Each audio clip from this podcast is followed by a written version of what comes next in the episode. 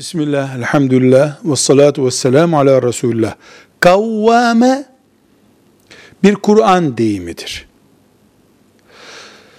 Aile düzeni içerisinde aileyi işletme yetkilerinin erkeğe verilmesine kavvame denir.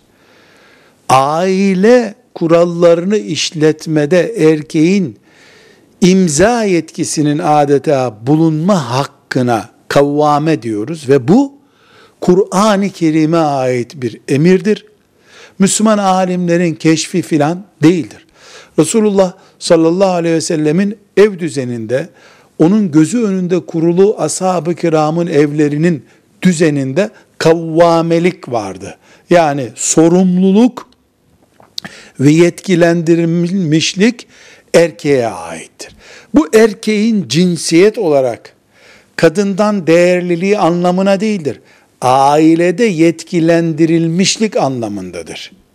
Tıpkı bir vilayette valinin vatandaş olarak herkesle aynı şartlarda bulunduğu halde ili idare etmek, vilayeti idare etmek açısından bir koltukta oturması gibidir bu. Yoksa o da kanunlar önünde vatandaşlardan bir vatandaştır. Velhamdülillahi Rabbil Alemin.